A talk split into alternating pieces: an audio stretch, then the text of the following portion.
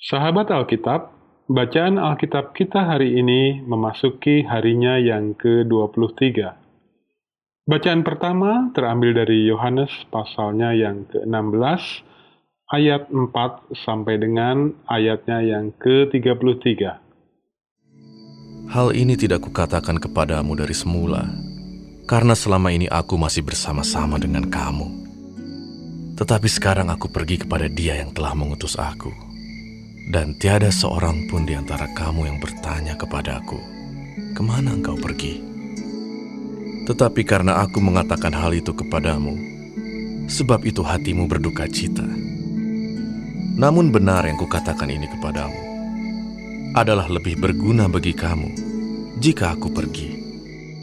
Sebab jikalau aku tidak pergi, penghibur itu tidak akan datang kepadamu. Tetapi jikalau aku pergi, aku akan mengutus dia kepadamu. Dan kalau ia datang, ia akan menginsafkan dunia akan dosa, kebenaran, dan penghakiman. Akan dosa, karena mereka tetap tidak percaya kepadaku. Akan kebenaran, karena aku pergi kepada Bapa dan kamu tidak melihat aku lagi. Akan penghakiman, karena penguasa dunia ini telah dihukum. Masih banyak hal yang harus kukatakan kepadamu, tetapi sekarang kamu belum dapat menanggungnya. Tetapi apabila ia datang, yaitu roh kebenaran, ia akan memimpin kamu ke dalam seluruh kebenaran.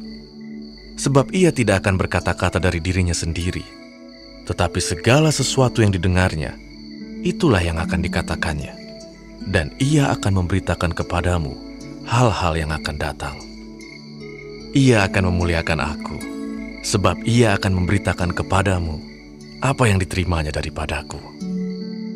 Segala sesuatu yang Bapa punya adalah aku punya.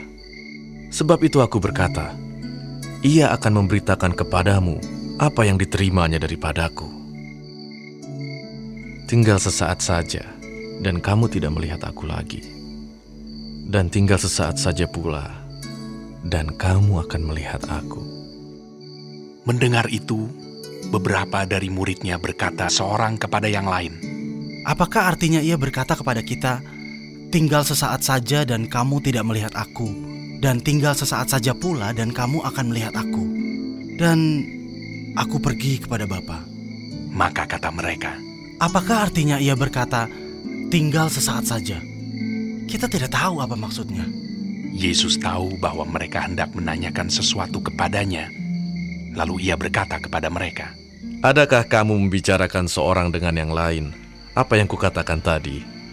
Yaitu, tinggal sesaat saja dan kamu tidak melihat aku, dan tinggal sesaat saja pula dan kamu akan melihat aku.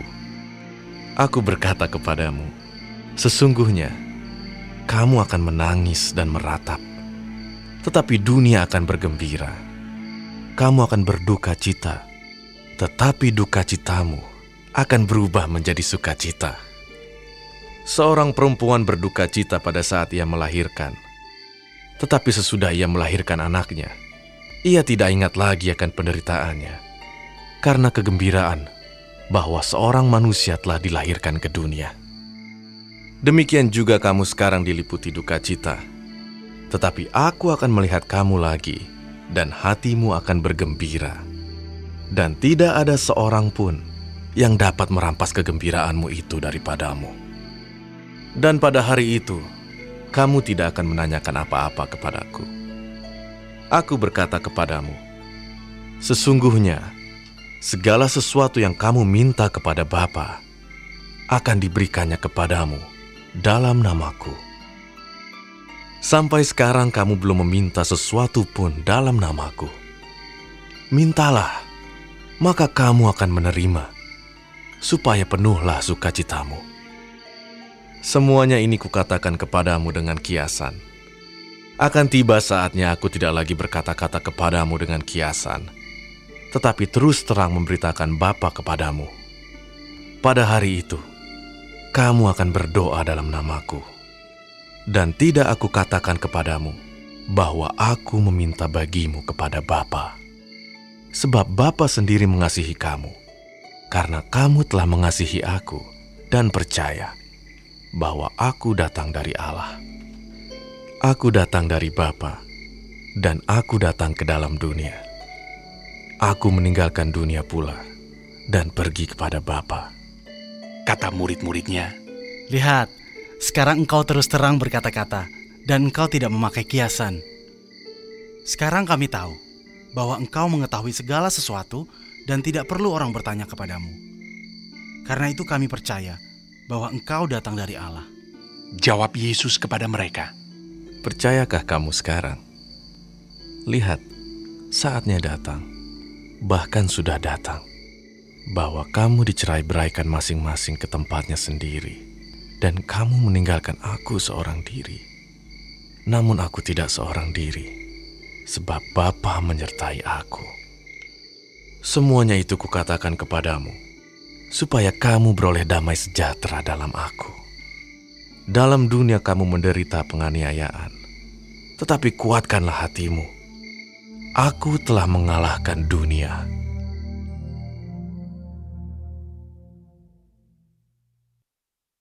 Bacaan kedua terambil dari dua Tawarik pasalnya yang ke-24.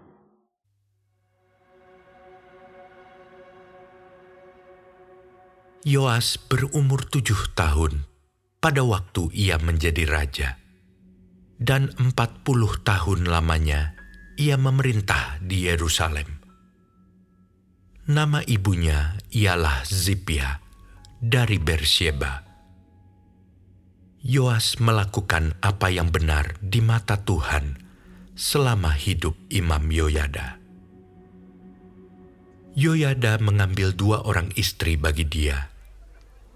Dari mereka ia mendapat anak laki-laki dan anak perempuan. Kemudian Yoas bermaksud untuk membaharui rumah Tuhan. Ia mengumpulkan para imam dan orang Lewi dan berkata kepada mereka, Pergilah kamu ke kota-kota Yehuda dan kumpulkanlah uang dari seluruh orang Israel untuk memperbaiki rumah Allahmu setiap tahun. Lakukanlah hal itu dengan segera. Tetapi orang Lewi itu tidak melakukannya dengan segera. Lalu raja memanggil imam kepala Yoyada dan bertanya kepadanya, Mengapa engkau tidak menuntut kepada orang-orang Lewi untuk membawa dari Yehuda dan dari Yerusalem pajak yang dikenakan Musa, hamba Allah itu, kepada jemaah Israel untuk kemah tempat hukum Allah? Sebab anak-anak Atalia, perempuan fasik itu, telah membongkar rumah Allah, bahkan memakai barang-barang kudus rumah Tuhan untuk para Baal. Sesudah itu, raja memerintahkan supaya dibuat sebuah peti dan ditempatkan di depan pintu gerbang rumah Tuhan.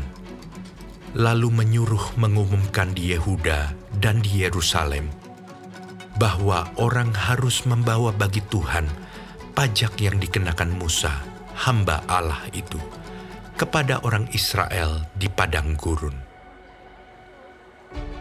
Maka bersukacitalah semua pemimpin dan seluruh rakyat. Mereka datang membawa pajaknya dan memasukkannya ke dalam peti itu sampai penuh. Setiap kali peti itu dibawa masuk untuk diperiksa oleh orang-orang Lewi atas nama raja, dan apabila mereka melihat bahwa sudah banyak uang di dalamnya, maka datanglah panitera raja dan kuasa usaha imam kepala mengeluarkan isi peti itu. Kemudian mereka mengangkat peti itu, lalu menaruhnya pula di tempatnya. Demikianlah mereka lakukan setiap kali, dan banyaklah uang yang dikumpulkan. Raja dan Yoyada menyerahkan uang itu kepada mereka yang memanduri pekerjaan pada rumah Tuhan. Mereka ini mengupah tukang-tukang pahat dan tukang-tukang kayu untuk membaharui rumah Tuhan. Juga tukang-tukang besi dan tembaga untuk memperbaiki rumah Tuhan. Setelah itu, mulailah tukang-tukang itu bekerja. Pekerjaan perbaikan maju di bawah tangan mereka. Mereka membangun kembali rumah Allah menurut keadaannya semula dan mengokohkannya. Setelah mereka selesai, mereka membawa uang yang kelebihan kepada raja dan Yoyada. Uang itu dipakai untuk membuat perkakas-perkakas rumah Tuhan, yakni perkakas-perkakas untuk penyelenggaraan kebaktian, perkakas-perkakas untuk korban bakaran, juga cawan-cawan, dan perkakas-perkakas emas dan perak. Sepanjang umur Yoyada, korban bakaran tetap dipersembahkan dalam rumah Tuhan. Yoyada menjadi tua dan lanjut umur. Lalu matilah ia. 130 tahun umurnya ketika ia mati. Ia dikuburkan di kota Daud di samping raja-raja karena perbuatan-perbuatannya yang baik di Israel terhadap Allah dan rumahnya. Sesudah Yoyada mati, pemimpin-pemimpin Yehuda datang menyembah kepada raja. Sejak itu, raja mendengarkan mereka. Mereka meninggalkan rumah Tuhan, Allah nenek moyang mereka, lalu beribadah kepada tiang-tiang berhala dan patung-patung berhala. Oleh karena kesalahan itu, Yehuda dan Yerusalem tertimpa murka. Namun Tuhan mengutus nabi-nabi kepada mereka, supaya mereka berbalik kepadanya. Nabi-nabi itu sungguh-sungguh memperingatkan mereka, tetapi mereka tidak mau mendengarkannya. Lalu roh Allah menguasai Zakaria, anak Imam Yoyada. Ia tampil di depan rakyat dan berkata kepada mereka, Beginilah firman Allah. Mengapa kamu melanggar perintah-perintah Tuhan? Sehingga kamu tidak beruntung. Oleh karena kamu meninggalkan Tuhan, ia pun meninggalkan kamu. Tetapi mereka mengadakan persepakatan terhadap dia. Dan atas perintah raja, mereka melontari dia dengan batu di pelataran rumah Tuhan. Raja Yoas tidak mengingat kesetiaan yang ditunjukkan Yoyada, ayah Zakaria itu, terhadap dirinya. Ia membunuh anak Yoyada itu yang pada saat kematiannya berseru, Semoga Tuhan melihatnya dan menuntut balas. Pada pergantian tahun, tentara Aram maju menyerang Yoas dan masuk ke Yehuda dan Yerusalem. Dari bangsa itu, semua pemimpin habis dibunuh mereka dan segala jarahan dikirim mereka kepada raja negeri Damsyik. Walaupun tentara Aram itu datang dengan sedikit orang, namun Tuhan menyerahkan tentara yang sangat besar kepada mereka, karena orang Yehuda telah meninggalkan Tuhan, Allah nenek moyang mereka. Demikianlah orang Aram melakukan penghukuman kepada Yoas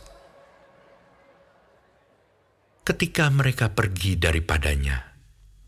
Mereka meninggalkannya dengan luka-luka berat. Pegawai-pegawainya mengadakan persepakatan terhadap dia karena darah anak Imam Yoyada itu. Lalu membunuhnya di atas tempat tidurnya. Ia mati dan dikuburkan di kota Daud, tetapi tidak di pekuburan raja-raja mereka yang mengadakan persepakatan terhadap dia ialah Zabat, anak Simeat perempuan Amon, dan Yozabat, anak Simrit perempuan Moab. Tentang anak-anaknya dan ucapan-ucapan ilahi yang banyak terhadap dia, serta tentang perbaikan rumah Allah. Semua itu tertulis dalam tafsiran kitab Raja-Raja. Maka Amazia anaknya menjadi raja menggantikan dia.